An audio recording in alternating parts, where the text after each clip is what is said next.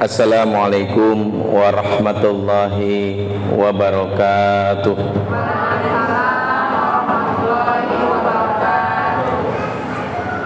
Innal hamdalillah nahmaduhu wa nasta'inu wa nastaghfiruh. Wa na'udzu min syururi anfusina wa sayyiati a'malina. Man yahdihillahu fala mudhillalah wa may yudlil fala hadiyalah Illallah wahdahu la syarika lah. Wa ashhadu anna muhammadan abduhu wa rasuluhu la nabiya ba'dah. Wa la hawla wa la quwata illa billah wa ba'd. Ibu-ibu, calon ibu yang dimuliakan Allah Terkhusus saya ingin menyapa anak-anak kita Teman-teman cilik, adik-adik kecil, adik-adik bayi yang juga hadir meramaikan masjid majelis di hari Ahad ini. Tak bosan-bosannya kita memohon kepada Allah semoga anak-anak kita ini kelak akan menjadi pemimpin hebat di masa depan insyaallah. Menjadi anak-anak yang tangguh anak-anak yang tentu mudah menghadapi atau kuat menghadapi tantangan zaman. Dan tentu anak-anak yang tangguh berasal bermuara dari orang tua yang hebat mengharapkan anak sekualitas Ismail maka belajarlah menjadi ayah sehebat Ibrahim dan ibu sekualitas Hajar. Inilah yang harus kita coba jalankan peran sebagai sosok pendidik bagi generasi masa depan. Alhamdulillah siang hari ini atau pagi menjelang siang ini kita bisa berkumpul hadir dalam rangka untuk berdiskusi membahas tentang bagaimana mendidik generasi Islam yang terbaik. Dan yang hadir di sini adalah mudah-mudahan adalah para ibu dan calon ibu yang hebat. Yang tercatat dalam sejarah sebagai generasi sebagai ibu-ibu yang siap untuk mendidik anak-anak generasi Islam. Dan kalau berbicara tentang bagaimana menjadi ibu yang hebat, maka memang teladan kita harus melihat bagaimana ibu-ibu di zaman terdahulu. Ibu-ibu yang rela meluangkan waktunya 24 jam sehari non-stop. Ibu-ibu yang mencurahkan segala tenaganya, akal pikirannya, semuanya diniatkan karena ingin buah hatinya menjadi generasi emas di masa berikutnya. Belajarlah menjadi ibu dari seorang anak yang bernama Zaid bin Sabit. Ibunya bernama Nawar binti Malik. Nawar binti Malik adalah sosok ibu yang memiliki anak yang berumur 9 tahun bernama Zaid bin Sabit. Zaid disebutkan memiliki motivasi luar biasa dalam beribadah, dalam berjihad luar biasa Ketika suatu saat dia mendengar kabar dari Rasulullah, afdalul a'mal jihad fisabilillah. Amalan terbaik adalah jihad fisabilillah. Maka dia pun meniatkan dirinya untuk berangkat jihad. Dia ambil pedang milik ayahnya yang kebetulan panjang pedangnya lebih panjang daripada badannya ya. Jadi dia ambil pedang yang panjang pedang aja lebih panjang pada badannya. Maka dia dengan semangat seorang bocah ingin berangkat jihad. Begitu berangkat jihad menghadap Rasulullah, otomatis Rasulullah menolaknya. Karena Rasulullah melihat badan yang pendek, khawatir merepotkan. Maka Rasulullah mengatakan, "Irji'la ummi, pulang kamu ke ibumu. Kamu pasti punya ibu, pulang." Anak ini masih bersikuku maunya jihad, tidak, tidak diizinkan. Maka dia pun pulang dalam keadaan nangis terseduh-seduh. Nih bayangkan ciri generasi terbaik, ditolak jihad nangis. Ya. Kalau anak sekarang ditolak sanlat aja seneng banget, yes. Ya, mah kota sanlat habis. Ya, jadi aku di rumah aja ya nonton SpongeBob. Dia nangis, dia ngadu sama ibunya, ibunda tak diizinkan anakmu ini untuk berangkat mengharumkan nama keluarga. Padahal aku sudah siap dengan bekal pedang milik ayah yang panjang lebih panjang. Maka inilah ibu yang hebat. Dia tahu anaknya jangan langsung diomelin. Sebab banyak ibu sekarang anaknya punya motivasi tinggi dihancurin. Makanya jangan macem-macem. mau jihad mau jihad ya kencing aja belum lurus ini langsung karena banyak ibu anak yang punya motivasi tinggi langsung dijatuhin. Udah di rumah aja. Macam-macam aja sih. Ibu yang baik mengatakan nah ketika engkau berjihad di, dengan pedang dan Allah tak diizinkan oleh Rasulullah maka berjihadlah dengan cara yang lain. Bagaimana ibunda? Nak belajarilah baca dan tulis. Sebab saat ini umat Islam banyak belum bisa baca dan tulis serta hafalkan Al-Quran maka anak ini pun dibantu oleh ibunya dia langsung menghafalkan Al-Quran dan saat itu disebutkan dalam riwayat Quran baru turun sekitar 17 juz dan beliau menghafal Quran 17 juz hanya dalam waktu dua hari saja. Ya, 17 juz dua hari.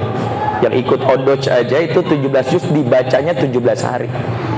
Ya, yang ikut odoj ya 17 juz bacanya 17 hari. Itu juga adminnya pakai ngomel-ngomel biasanya.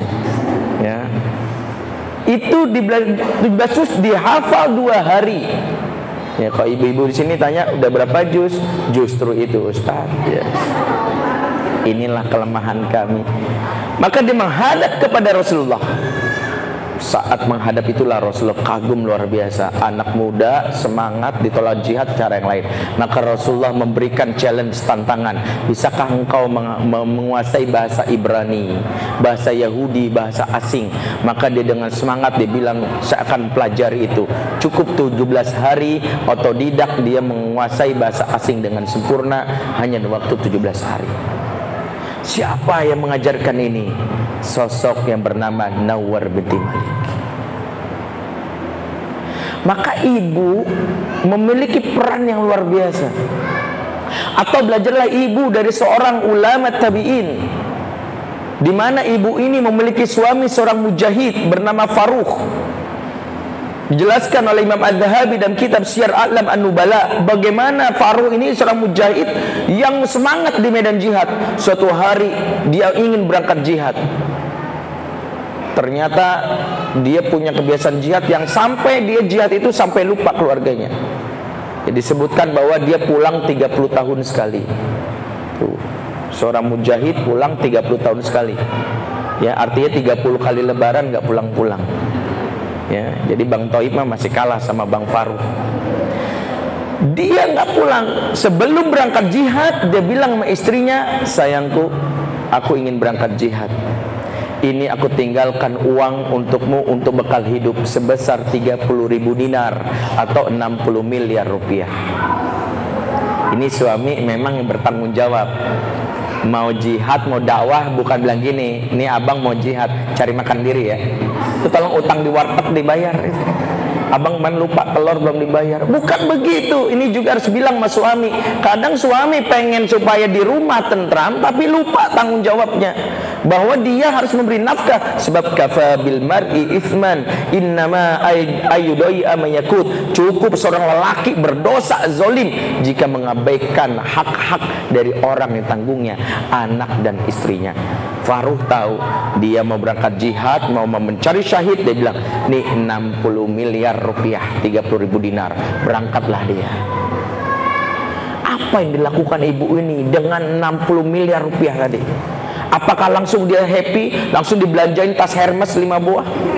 iPhone 6 6 branding dia beliin laptop iPad terbaru jam berli dari berlian tidak dia jadikan itu untuk mendidik anaknya. Maka suatu hari ketika Faruh akhirnya pulang setelah 30 tahun berjihad dia kembali ke rumahnya. Dia lihat kok rumahnya nggak ada perubahan.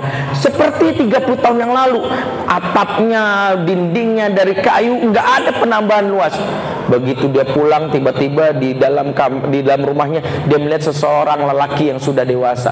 Dia curiga siapa laki ini? Kurang ajar jangan-jangan istri dia nikah sama berondong. Kan gitu ya.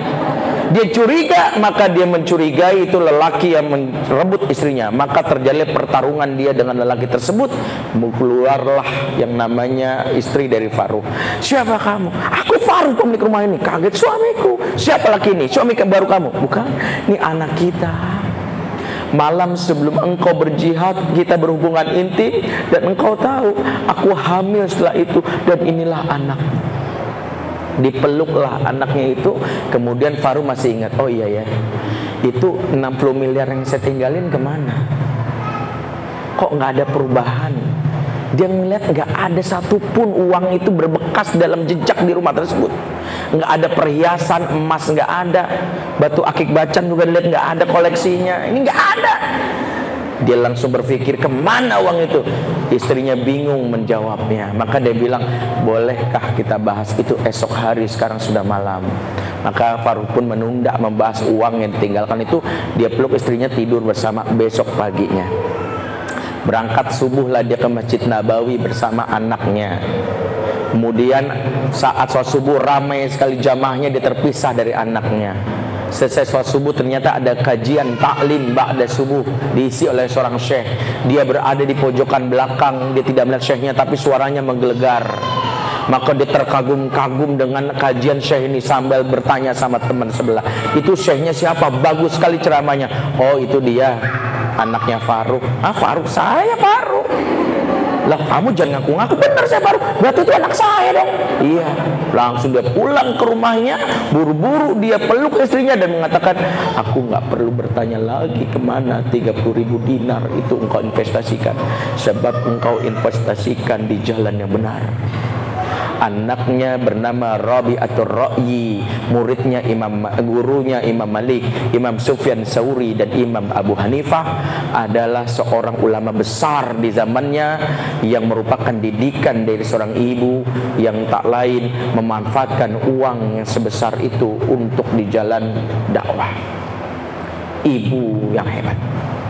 Ibu yang hebat adalah menjadikan aset suami pikirannya untuk generasi masa depan bukan dipikir bagaimana caranya untuk memperkaya diri sendiri, menambah koleksi tas, menambah koleksi handphone. Ya, selalu upgrading. Makanya begitu ada uang baru mumpung ya. Selama ini handphonenya Asia Hidayah mulu kan gitu ya. Gondok sekali-sekali iPhone 6 gitu langsung. Dia pengen yang terbaik untuk diri dia. Sementara untuk anak pelit banget. TK maunya udahlah TK yang standar aja yang penting asal jangan nganggur di rumah milih sekolah masih perhitungan. Sama ustadz guru ngajinya pelit banget. Giliran sama orang lain baik banget. Untuk guru ngaji anak nggak sedikit pun dia memperbaiki. Padahal itu yang mempengaruhi. Itulah seorang ibu. Ibu yang menjadi madrasah maka dia tahu aset suami adalah untuk sebesar-besarnya untuk anaknya atau belajarlah dari seorang ibu dalam ulama ibu dari seorang ulama kontemporer yang kita kenal Abdurrahman As-Sudais di saat dia masih bocah, masih kecil, ibunya sedang hendak menyambut tamunya di dapur. Dia mempersiapkan makanan yang banyak. Ketika tamunya datang, dia keluar untuk menyambut tamunya. Anaknya diam-diam menyelinap ke dapur kemudian seluruh isi makanan dimakan diberantakin begitu ibunya keluar masuk ke dapur kaget astagfirullahaladzim apa diucapkan oleh ibu ini? Dia bilang ukhruj anta ilal haram. La'alaka imaman masjidil haram. Eh keluar kamu ke masjidil haram. Ibu laknat kamu jadi imam masjidil haram. Dia tidak bilang dasar anak monyet anak setan jadi preman. Tidak. Ibu tahu dalam lisannya ada keramat dalam lisannya ada sebuah percepatan yang membuat Allah langsung mengijabah doanya tersebut. Maka saat marah pun ibu terbaik justru memanfaatkan momentum itu untuk mengatakan ibu marah sekali sama kamu. Ibu doain kamu hafal Quran 30 juz sama hafal 100 ribu hadis. Dia tahu dia tidak main-main dengan marahnya dia tahu saat marahnya ini Allah siap-siap untuk mengijabahnya. Dia tahu malaikat siap-siap untuk mengaminkan. Maka malaikat menunggu lisan apa yang keluar, kalimat apa yang keluar dari seorang ibu saat marah. Begitu yang keluar terbaik, amin, amin, amin. Itulah yang terjadi sama seorang anak. Jaga lisan. Maka saya ingat kisah seorang jenderal, saya ngisi pengajian di rumah seorang jenderal besar dia bercerita dulu saya ini dia punya ibu ibunya tidak bersekolah baca dan tulis berasal dari Piungan Jogja ibunya hanya boleh dibilang wong deso nggak bisa ngomong bahasa Indonesia Dia masa kecilnya sangat nakal, bandel luar biasa. Kata dia, dulu selalu ada laporan dari tetangga ke ibunya, selalu ada tangan anak tetangga yang patah sama dia. Selalu ada anak ayam yang hilang. Selalu ada jendela tetangga yang pecah. Selalu ada keributan di luar. Dan setiap tetangga ngelaporin, ajarin tuh anakmu. Ajari anakmu. Ajari anakmu. Yang menarik, ibunya cukup dengan bahasa Jawa yang halus mengatakan, Nge, insya Allah, insya Allah. Begitu anaknya datang, apakah langsung dipukul? Dasar kamu tidak. Cuma megang tangan anak sambil berujar, semoga sudah besar kamu jadi jenderal ya. Semoga sudah besar jadi jenderal ya. Jadi besar jadi jenderal yang akan mengalahkan preman-preman yang jahat. Ya nak, ya nak begitu terus. Maka qadarullah Allah mentakdirkan tahun 67 si anak ini masuk akademi militer. Kemudian Allah takdirkan dengan prestasi yang gemilang tahun 98 dia diangkat menjadi jenderal Panglima TNI Angkatan Darat. Beliau bernama Jenderal Subagio HS asal Tiungan. Pada saat dilantik menjadi jenderal, beliau berdiri sebuah podium, membuka dompetnya, mengeluarkan sebuah foto sambil berujar, ini foto malaikat hidup saya. Ini foto ibu saya, dia tidak bisa baca dan tulis. Dia tidak bisa mengerti tentang bahasa Indonesia tapi dari lisannya lah saya jadi jenderal dan dia belum bisa merasakan manfaat dari lisannya sebab dia keburu wafat di saat saya sudah jadi jenderal maka dia cium sampai bilang ibu ini buah dari doamu, buah dari marahmu. Terima kasih engkau memarahiku dengan sesuatu yang baik. Bahkan di setiap dia di mana dia berada, setiap kantornya selalu di dalam ruangannya ada foto ibunya dan itu bentuk dari rasa sayangnya kepada ibunya. Maka kita tahu ada sebuah energi besar yang dimiliki oleh seorang wanita di mana energi ini akan menjadi sebuah kekuatan perubahan umat. Di mana energi ini jika dimanfaatkan betul-betul maka perubahan yang terjadi di bangsa ini dimulai dari tangan seorang wanita. Makanya saya ingat di dalam kisah Umar bin Khattab jelaskan oleh Imam Az-Zahabi ketika suatu saat ada kasus di zaman Khalifah Umar di mana ada kasus yang aneh seorang wanita ditinggal berjihad oleh suaminya selama dua tahun. Begitu suaminya pulang wanita ini hamil. Suaminya menuduh wanita ini berzina. Tidak mungkin ini dari benih saya. Sebab saya tinggalkan kamu dua tahun.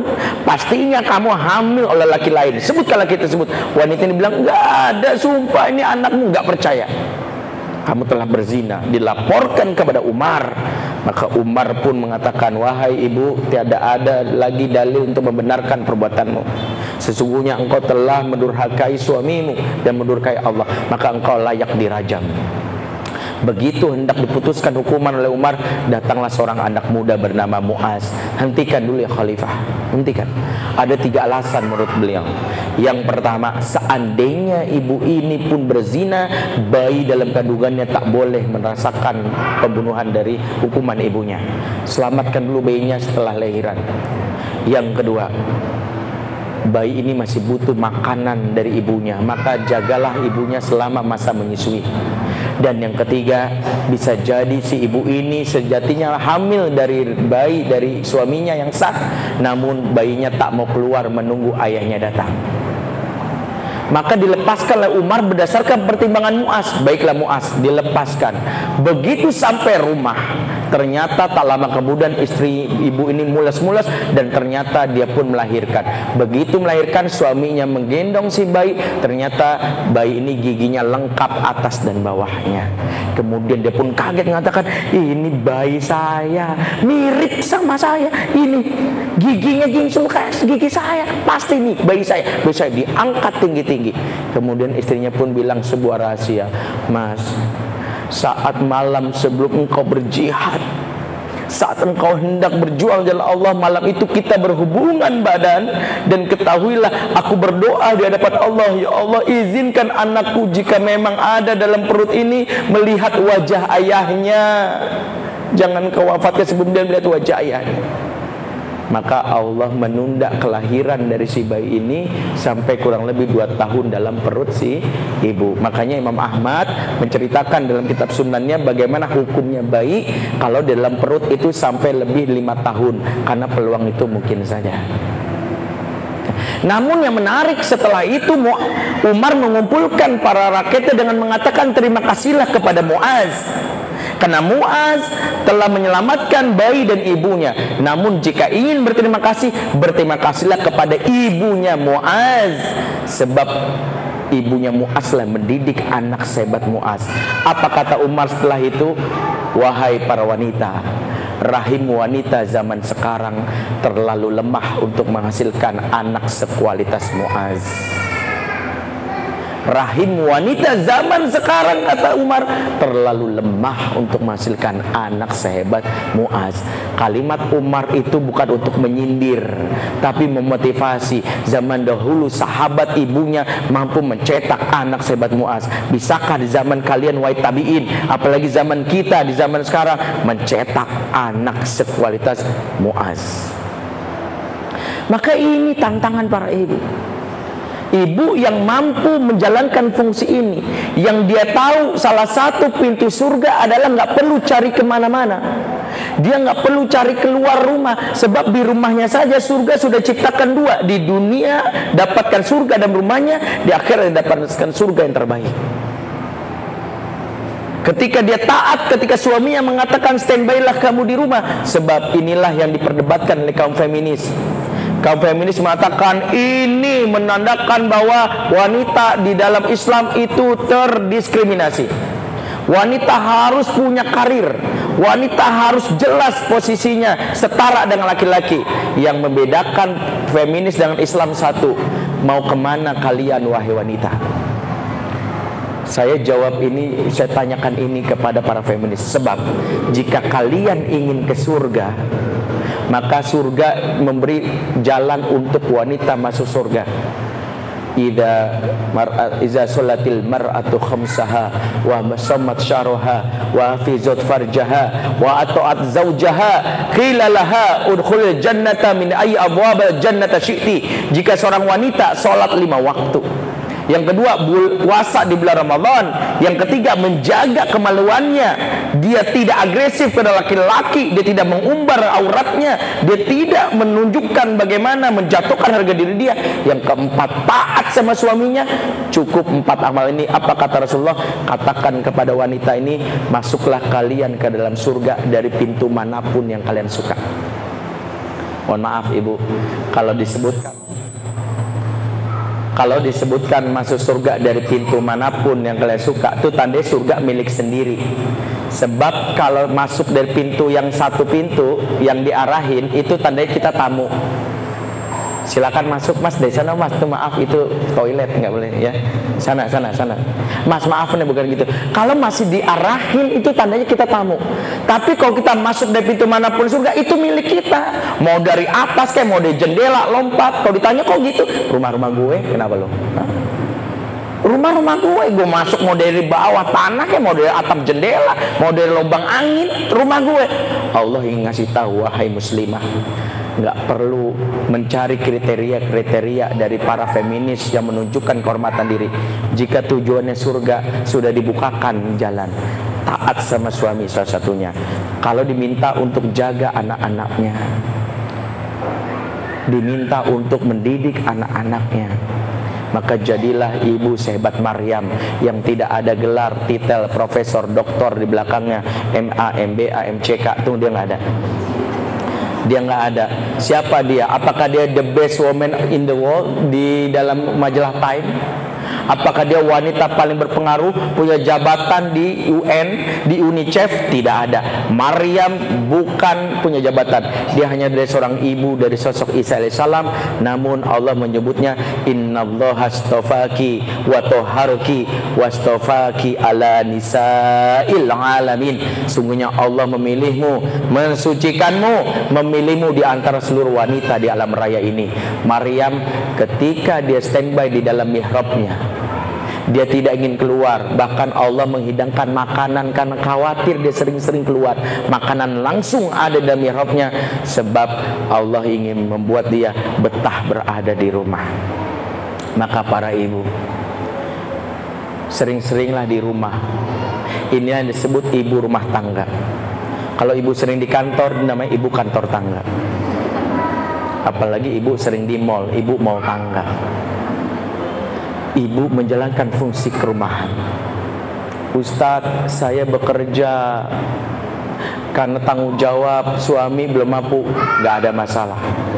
Bekerjanya seorang ibu kalau memang karena minta suami silahkan lakukan asal ridho suami. Namun di era sekarang ketika zaman sedemikian beratnya bagi seorang ibu, maka ibu mendidik anak memiliki rumus pertama yaitu ibu harus dekat dengan anaknya. Ibu yang sekarang adalah ibu yang menjadi ibu yang dirindukan oleh anaknya.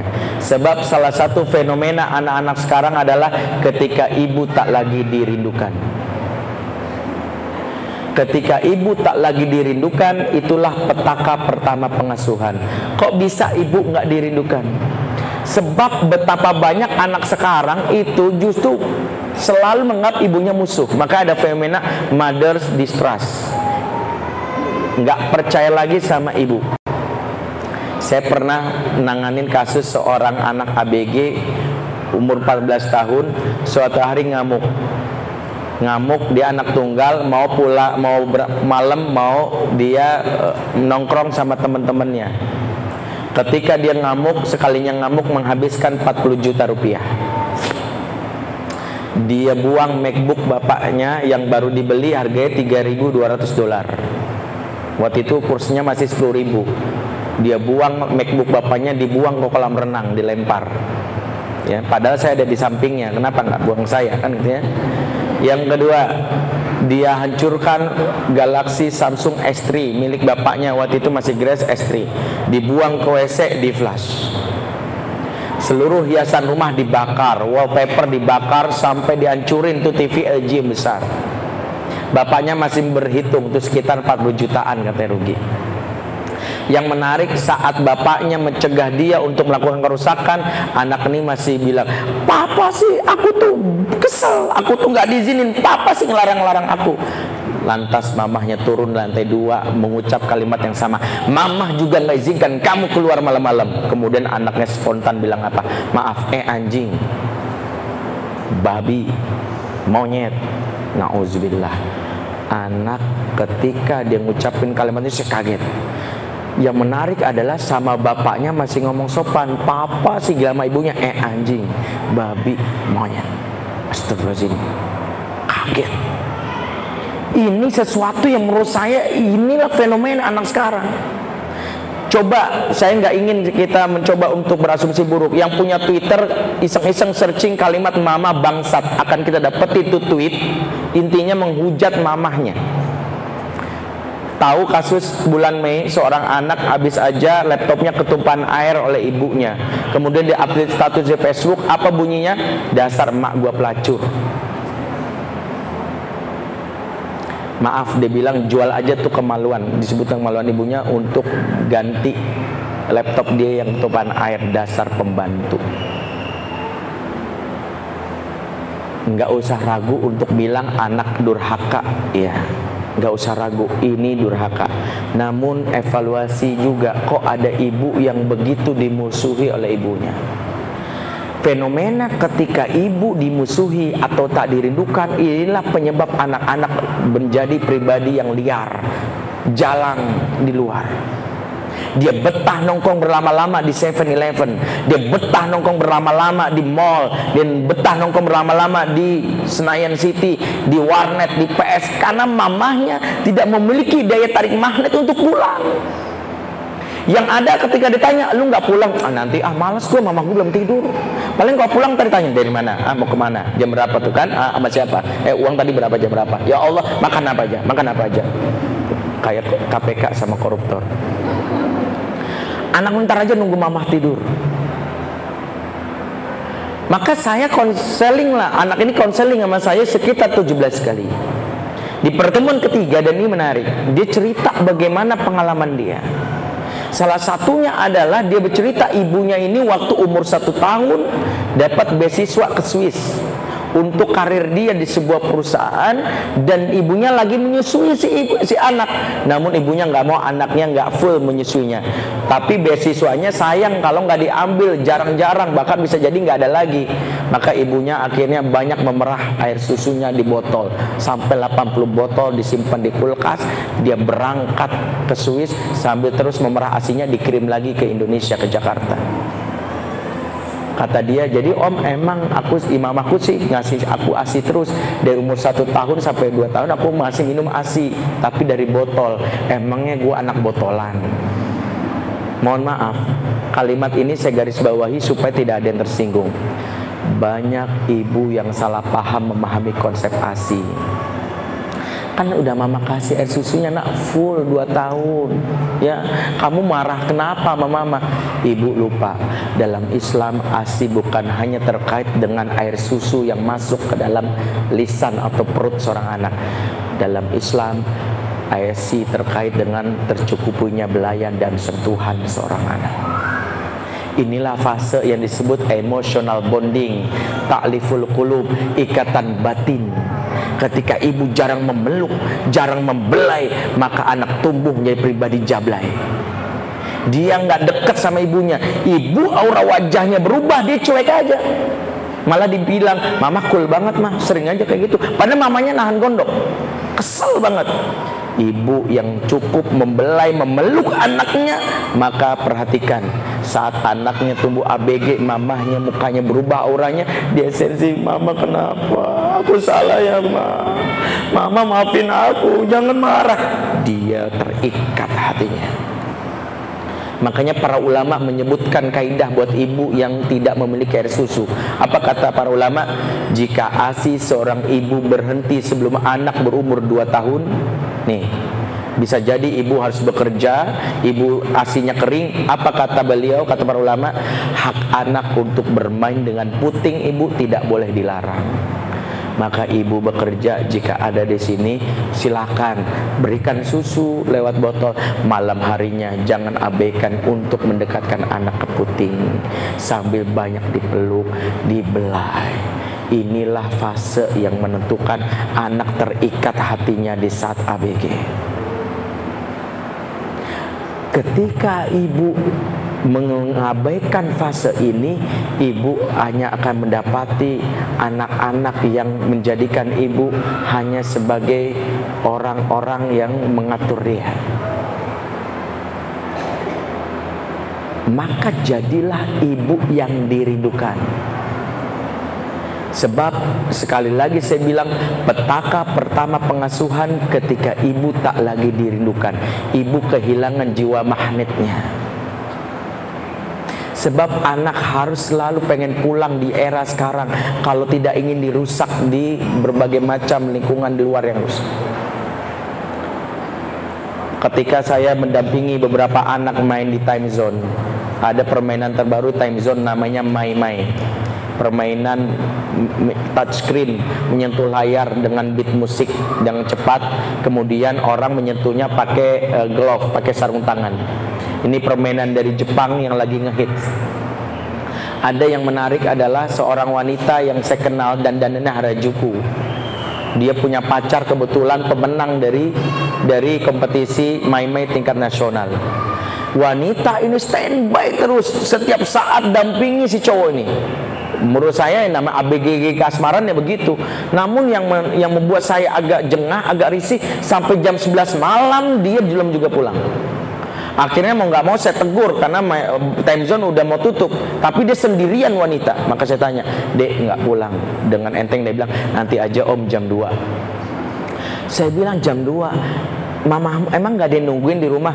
Justru karena ada yang nungguin. Malas ada mama Mama kalau malam minggu biasanya ntar tidurnya jam 1 Aku nunggu mama tidur dulu. Lah nanti yang bukain pintu siapa? Tenang om, kunci di rumah sudah aku duplikasiin. Diduplikatin Dia pulang, tinggal pencet, tidur. Ibu tak lagi dirindukan. Maka sebelum berbicara skill ibu mentilawah Quran, mengajarkan anak, jadikan fungsi berdasar ibu sebagaimana sabda Rasulullah, tazawwajul wadudal walud. Nikahilah olehmu wanita yang punya jiwa wadud dan walud. Walud itu artinya subur, bisa melahirkan. Subur produktif bisa hamil tapi bekali dengan wadud. Apa itu wadud? Wadud jiwa kasih sayang akar kata dari al-mawaddah yang membuat anak kangen pengen pulang membuat anak merindukan ibunya. Nah ketika ibu tak memiliki ini maka wajar akhirnya anak malas nggak mau deket-deket apalagi ketika ABG. Maka jadilah ibu membuat rasa nyaman. Bagaimana caranya Ustadz? Yang pertama berarti ibu menularkan emosi positif dulu ke anak. Sebab begitu banyak, mohon maaf, ibu yang memberikan bunga untuk kliennya. Iya pak, iya pak. Senyum. Gila anak kamu tuh bisa ngomong kamu dasar kamu. Sampah untuk anak, bunga untuk sang orang lain yang berhak untuk anak yang berhak mendapatkan senyuman kita, kesabaran kita anak. Kenapa kita betah berlama-lama mendengarkan curhatan orang yang bisa jadi baru kita kenal? Kita masih bisa tersenyum, iya. Tapi untuk anak sendiri, entar entar mama repot, mama repot. Entar kamu nih cerita mulu nih. Kita salah menempatkan prioritas Untuk orang lain kita berikan senyuman Untuk anak dengan pongannya sampah Kasihanilah anak kita yang setiap hari dapetin sampah dari sang ibu ketularan emosi negatif. Ibu yang pulang selalu marah-marah bawaannya. Ini ya Allah siapa nih nyetel TV ini? Nggak matiin, nggak matiin. Itu siapa? Lampu, lampu siapa yang nyalain? Ya Allah berantakan nih, berantakan. Siapa nih? Nih, nih, nih, nih, nih. Kamu makan mie, makan mie. Ya Allah udah bilangin sakit perutnya, sakit perutnya. Tuh kan es krim, es krim. Kamu nggak tahu tuh. Tiba-tiba ting tong, eh jeng anak tamu kita senyumin, anak kita sumpah-sumpahin. Ibu, kembalikan fungsi yang Rasul sebutkan al-wadud. Kasih sayang. Anak mendapatkan mama pengen nempel. Mama pengen dekat. Berarti ibu harus sudah punya manajemen emosi positif. Ibu harus bisa mengatur itu. Berarti apa yang lakukan? Ada empat waktu supaya ibu teratur supaya ibu terlatih jiwa positifnya. Yang pertama, ibu harus punya waktu me time. Jangan berpikir me time ala barat, senang-senang belanja, bukan. Me time waktu ibu bertahanut, tahajud tanpa harus merasakan khawatir dengan anak karena anak dipegang oleh suami. Baca Quran asyik syahdu aduh nikmat banget. Ini mitanya seorang ibu. Dia sungguh-sungguh meminta kekuatan dari Allah. Bilang mas suami aku punya hak kan mas ya untuk bisa tahajud. Boleh nggak anak kamu ini? Aku punya haknya bisa Quran. Boleh kan dikasih sementara ke oh, sebentar pegang sama pembantu. Sebentar. Me time. Yang kedua couple time. Couple. Bersama pasangan. Meskipun sudah jadi pengantin veteran 50 tahun usia pernikahan please ibu tetap harus punya waktu bicara. Sebab Rasulullah dalam kitab Adabul Mufrad mencontohkan setiap malam selalu meluangkan waktu mendengar curhatan Aisyah maka bilang sama suami, aku punya hak mas untuk bicara. Ingat, wanita yang sehat jiwanya minimal mengeluarkan 20 ribu kata per hari. Makanya ibu kalau nggak keluar 20 ribu kata, baunya kesel aja. Gendongan kamu nenek, nenek, udah bilang aja nenek. Karena suami yang ketiga family time bersama anak, keluarga inti, yuk jalan-jalan. Yang keempat social time. Ibu boleh ikut pengajian Ibu datang ikut arisan yang baik Aktivitas. Silahkan boleh berorganisasi Tanpa melupakan tanggung jawab seorang ibu. Empat waktu ini Sehingga ibu stabil. Diskusikan sama suami silakan. Suami dengar di bawah pasti sudah tahu nih ya. Ya bapak-bapak di bawah Berikan haknya. Empat. Ustadz, saya pengen punya couple time. Tapi suami saya bukan tipikal yang mau dengerin. Sekalinya saya ngomong dia tidur. Kan gitu ya nggak ada tempat untuk bercerita sebab ibu kalau punya masa wajib bercerita maka ibu yang sehat saya kasih tips pertama harus pandai menulis Imam Nawawi mengatakan menulislah uktub sebab menulis menenteramkan jiwa. Ibu yang sudah nggak punya suami karena suami nggak bisa diajak ngobrol dan tidak punya kemampuan menulis bisa saya pastikan emosinya gampang terletup terguncang. Maka ibu biasakan menulis diary menulis dengan jujur. Nggak usah pertimbangkan ejaya ejaan yang disempurnakan itu. Subjek predikat objek keterangan nggak usah pikirin. Nulis aja hari ini aku merasa bla bla bla bla bla. Baca lagi tulisan. Sebab inilah cara mudah ibu untuk menetralisir. Sampahnya dibuang ke tulisan dengan anak ibu memberikan bunga. Ibu ini dasar sesuatu yang harus dimiliki. Kembalikan itu fungsi nyaman. Maka ketika bersama anak anak senang karena bundanya menularkan emosi positif. Coba bayangkan ibu yang gak pernah senyum sama anak ibu yang gak pernah meluk dampaknya ke mana? Anak pasti gak betah berlama-lama. Ibu yang sering suka teriak-teriak anak gak suka. Maka pastikan ibu selalu bawa aura positif. Yang berikutnya agar ibu dirindukan. Kan rumusnya sekarang nih ibu dirindukan dulu. Nih agar jangan sampai kayak anak sekarang. Mamahnya nggak dikangenin. Berikutnya agar ibu dirindukan setelah ibu membereskan emosi ibu agar positif, ibu harus punya skill agar ibu dirindukan. Ada tiga skill ya agar ibu dirindukan. Mau saya kasih tahu? Mau dipraktekin nggak kira-kira skillnya? Oke. Skill pertama agar ibu dirindukan. Yang pertama skill memasak.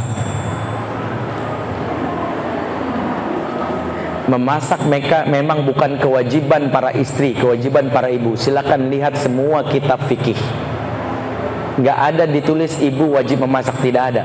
Sebab kita membangun rumah tangga bukan rumah makan bener jadi nggak usah diperdebatkan hukum itu silakan. Ibu berkomitmen kan nggak? Nggak wajib Ustaz betul. Tapi ketahuilah penelitian dari mahasiswa psikologi UGM Jogja hal apa yang membuat anak kangen pulang? Rindu masakan ibunya. Anak lagi nongkrong di restoran Hana masa katakanlah sama temannya kita telepon. Nah lagi di mana? Ini bun anak Hana masa sama teman makan. Aduh pada bunda masak sambal terong kesukaan kamu. Bener bun? Eh, eh yaudah deh bentar deh. Deh gua nggak jadi. Mamaku masak makanan kesukaan aku.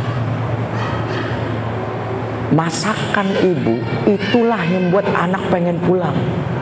Bunda nggak betah di sini pengen buru-buru pulang. Soalnya di sini makanannya nggak ada seenak bunda. Kalau bunda meskipun share asam tapi asamnya original dari badan bunda, nggak tergantikan tuh kan? Asam mana yang bisa menggantikan asam bunda? Bunda yang bisa masak inilah yang membuat anak kangen pulang. Ibu jangan sepelein Sebab fenomena sekarang ibu-ibu yang udah mulai jarang masak kalau dulu kan sumur kasur dapur, sekarang sumur kasur Carrefour tuh. Ibu-ibu sekarang lebih banyak di Carrefour daripada di dapur. Masak. Tapi saya bisa Ustadz ya saya masak soto rendang dalam bentuk mie instan. Sama aja kadang ibu sekarang ngandelin gitu. Pagi mie goreng, siang mie rebus, malam mie goreng direbus, besok mie rebus digoreng gitu doang. Sekalinya enggak sekarang bukan ustadz sekarang mie kukus sama aja mie juga. Maaf nih kasar-kasarnya nih maaf kok tersinggung. Ibu yang cuman bisa masak mie siap-siap di poligami. Jangan cuman masak mie, bisa masak. Yang belum nikah mana? Ada. Yang depan nih. Dan sekarang belajar. Jangan sampai masak air aja nanya bumbunya apa ya. Nah, masak air nanya bumbu banyak. Please ibu, bisa masaklah. Jangan ngandelin 14045, 14022. Please, ibu andalkan nomor handphone ibu ketika anak lapar. Walaupun cuma ceplok telur, tapi ada rasa yang berbeda. Ya, masak. Yang kedua, skill dasar seorang ibu agar dirindukan adalah memijit.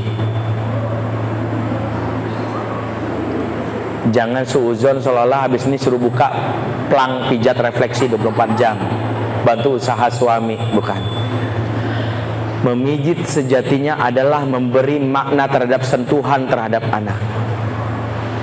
Sebab anak kita sejatinya butuh disentuh Sampai kapan pun orang udah gede butuh disentuh, butuh dipeluk Tapi kalau saat ABG main peluk aja Anak gak suka, apa sih bun? Ah emang aku anak kecil apa? Maka memijit memberi makna Karena lagi dipijit Ketika seorang ibu pijitannya enak menyentuh bagian pribadi anak tiga yaitu punggung, perut dan telapak tangan, ketahuilah anak lancar bercerita.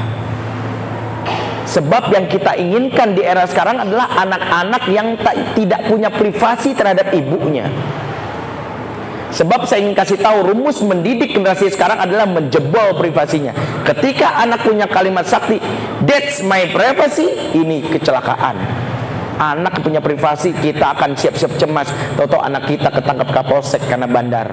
Tahu anak kita hamil dua nikah, ya Allah kapan pacarannya kok udah hamil aja.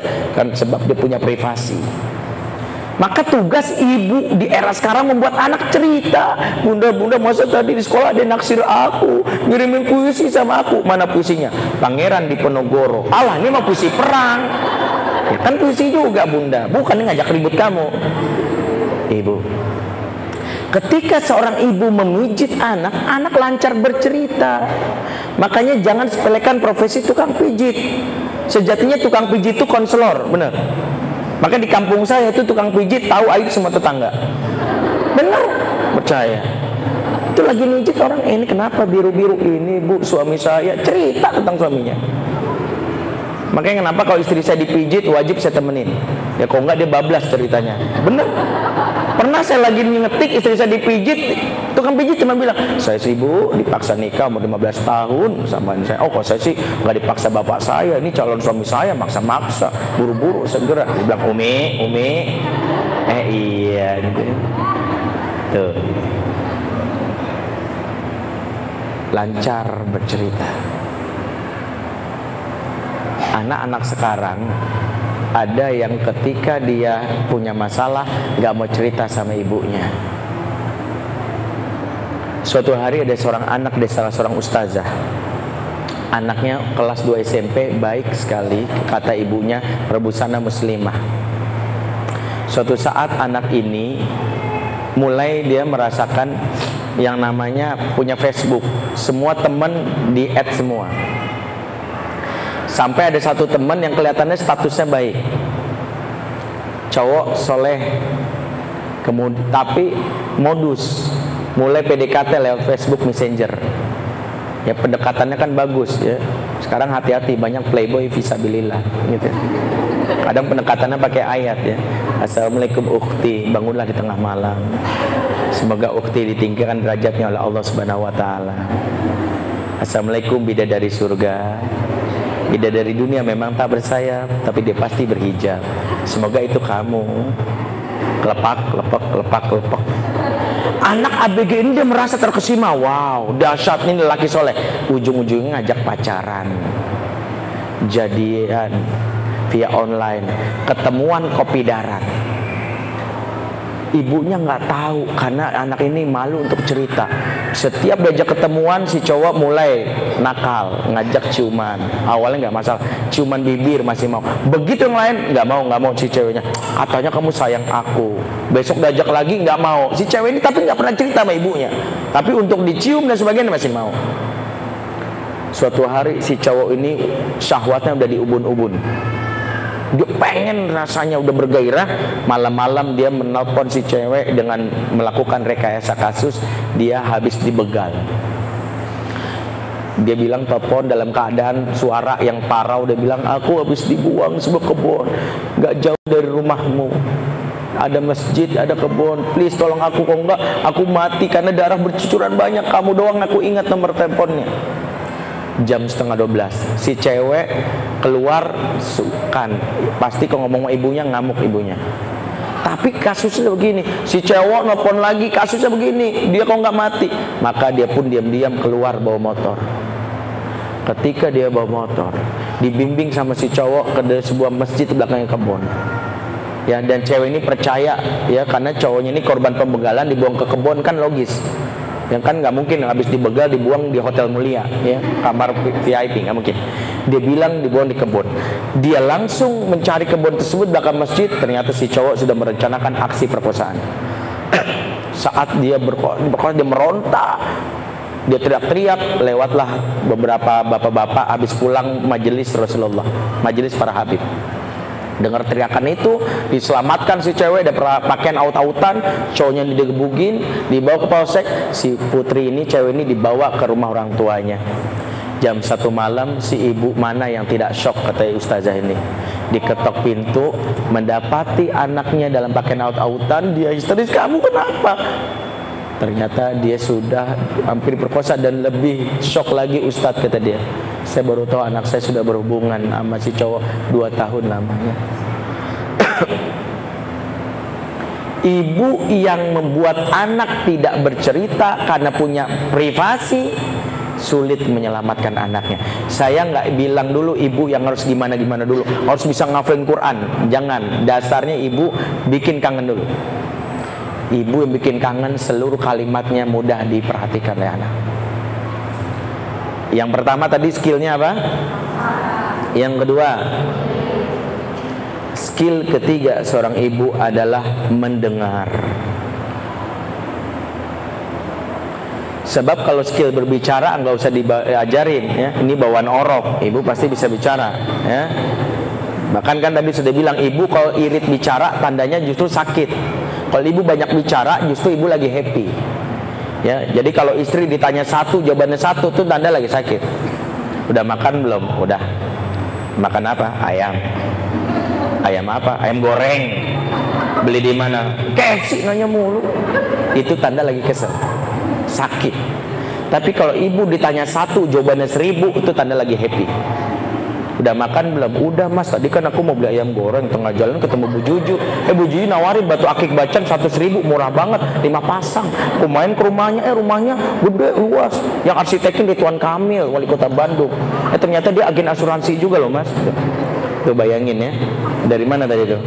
Ayam, goreng, ketemu lampu merah Bu Juju. Apalagi tuh? Ya Nawarin batu akik ya, Ke rumahnya arsitek yang kami ternyata agen asuransi. Jika ibu jawabannya melebihi di standar pertanyaan, ini tanda lagi happy. Jadi ibu nggak usah diajarin skill bicara, justru diajarin itu skill mendengar. Sebab betapa banyak anak baru cerita dipotong sama ibunya. Baru mau cerita bunda masa tadi ada yang naksir sama aku karena ibunya baru pulang pengajian keluar ayat kalau Allah Taala fi kitabil karim Tuh kan ah, aku dirukyah kan, dirukyah kan, ngebul tuh asap keluar keluar. Anak malas kena bukan ayatnya yang salah. Ingat kata Ibnu Mubarak, jangan sembarangan menyampaikan ayat di saat yang tidak tepat. Kau kan nanti ditolak. Saat ini anak butuh didengarkan, bukan ayatnya yang salah. Sama kayak zikir, zikir tuh nggak salah, tapi di saat tidak tepat jadi perkara. Memandang wajah istri istighfar, astagfirullahaladzim, astagfirullahaladzim. Pas tetangga lewat, alhamdulillah, alhamdulillah. Ini kan nyakitin. Dan kok kamu gitu mas? Aku lagi zikir. Zikir kok kayak gitu? Ya kebetulan aja kamu lewat, astagfirullahaladzim, astagfirullahaladzim. Pas tetangga lewat, alhamdulillah, alhamdulillah. Salah nggak zikirnya? zikirnya enggak konteksnya salah sama kayak kemarin saya kena musibah tetangga ngucap alhamdulillah pada saat is, e, meninggal dia nggak salah dia karena nggak ngerti apa yang harus dibaca maka dia bilang alhamdulillah kan kaget yang lain baru saya salah ya karena orang meninggal kan harusnya bukan alhamdulillah. Walaupun puji-pujian bagi Allah kan segala sesuatu. Tapi logis nggak? Ya. Makanya ada konteksnya. Ibu belajar mendengar. Maka tekniknya apa? Namanya teknik cicak tau. Kok anak lagi cerita, hmm, ya Allah gitu. Hmm ibu harus biasain gitu kalau enggak anak mendingan cerita sama cicak ibu yang bisa merespon karena anak kalau cerita cuma butuh dua hal dipahami dan dibela entar nasihatnya entar. Ciri anak dinasehati itu tiga. Telapak tangannya nyaman dipegang punggungnya nyaman diusap dan nafasnya teratur. Baru kita nasehatin. Kalau enggak aku tuh jangan dinasehatin. Dia masih pengen buangin sampah emosinya. Cukup jadi pendengar. Pendengar. Ibu-ibu dan calon ibu di era sekarang skill dasar yang ibu pelajari dengan belajar menjadi ini belajar uh, tauhid menguasai Quran dan sebagainya itu bagus. Tapi kalau intinya ibu sudah dimusi anak nggak akan masuk otak anak. Maka yang pertama kali dicari adalah ibu harus dirindukan sesuai fungsi dasar ibu al-wadu maka ibu jangan sekali-sekali ngambil peran suami apa itu peran suami? Membuat aturan. Arijalu kawamuna ala nisa. Lelaki itu kawam bagi perempuan. Makna kawam disebutkan para ulama takwi nizam. Menegakkan aturan. Sekarang ibu banyak ikut seminar parenting. Dan pembicara seminar bikin cemas banyak ya dengan data-datanya. Maka kadang ibu nggak produktif sama anak. Anak pulang aturan banyak banget eh nggak boleh nih. Nonton ya Allah nanti ingat dengan banyak aturan. Begitu bapaknya pulang kebalikan. Bapak memberi rasa nyaman. Ayah mau makan es krim. Boleh. Lah ibunya yang justru bikin aturan ayahnya bilang boleh. Kebalik. Bilang sama suami emas jangan sampai aku dimusin sama anak. Ini wilayah kamu. Wilayah laki-laki. Lukman ketika anaknya nakal dia bilang sini, sini la tusrik billah. La tamshi fil ardi maruha laki-laki ibu sejatinya justru membuat anak nyaman. Ayahlah yang nasehatin yang bikin panduan. Makanya orang tua terdahulu nggak belajar ilmu parenting tapi konsepnya benar. Bapak yang tegas ayah nggak izinkan kamu keluar malam-malam. Dia nangis ayah jahat. Ibunya yang meluk sabar ya do anak ayah memang begitu sabar ya. Kalau anak sekarang justru kebalik ibunya bikin nangis. Terus dia bingung mau meluk sama siapa jadilah ibu yang dirindukan.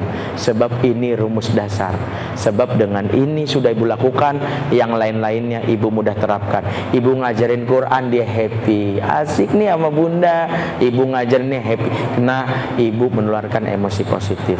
Mendidik generasi Islam terbaik dimulai menjalankan fungsi ibu sesuai dengan asasnya sesuai dengan pokoknya dan melibatkan suami sebagai fungsi dasarnya. Ingat, al-ummu madrasatul ula itu benar. Ibu madrasah pertama seorang anak, walakin al-abu mudiruha, tetapi ayah adalah kepala sekolahnya. Bilang mas suami, aku madrasahnya, kamu kepala sekolah, bimbing aku apa yang harus aku lakukan untuk anak-anak kita. Jadilah Ibrahim para suami yang meskipun sibuk dia punya visi misi sebagai kepala sekolah. Silakan lihat surat Ibrahim ayat 35, 36, 37. Rabbi ja'al hadzal balada amina wajnubni wa baniya an na'budal asnam. Rabbi innahunna adlanna katsiran minan nas faman tabi'ani fa innahu minni wa man asani fa innaka ghafurur rahim. Rabbana ini askantu min dzurriyyati biwadin ghairi dzar'in. Inda batikal muharram. Rabbana liqimus shalah. Faj'al afidatan minan nasi tahwi ilaihim warzuqhum minats thamarat la'allahum yashkurun. Visi seorang ayah adalah diterjemahkan oleh ibu. Maka ibu waktu yang membatasi kita ketika ibu sudah menjadi yang dirindukan ketahuilah bahwa anak menganggap rumah bukanlah tempat yang mewah, tapi rumah ada tempat di mana di situ ada ibunya. Maka ketika ibu harus mengakhiri kehidupan dan wafat, anak akan bertanya, "Di mana rumahmu?" "Rumahku ada tempat di mana ibuku dikubur." Bukan yang itu. Itu rumah bukan itu rumahku rumahku tempat di mana ibuku bersemayam. Dan dia akan duduk berlama-lama di pinggir pusara ibu sambil bilang ibu ini anakmu pulang. Ingin bercerita. Merindukanmu meringai sayang padamu Aku nggak butuh rumah itu. Sebab bukan rumah itu yang membuat aku ingin pulang. Bukan karena AC-nya yang banyak Bukan karena fasilitasnya. Percayalah ibu karena engkau dulu ada di situ menyambutku. Ketika aku pulang kau yang mengatakan Assalamualaikum nak. Kabarmu hari ini gimana? Ibu Seandainya diizinkan aku ingin minta satu hal masuk surga memandang wajahmu setelah memandang wajah Rasulku. Aku ingin bisa mencium tanganmu di akhirat dan mengatakan ibu aku mencintaimu. Jadilah ibu yang dirindu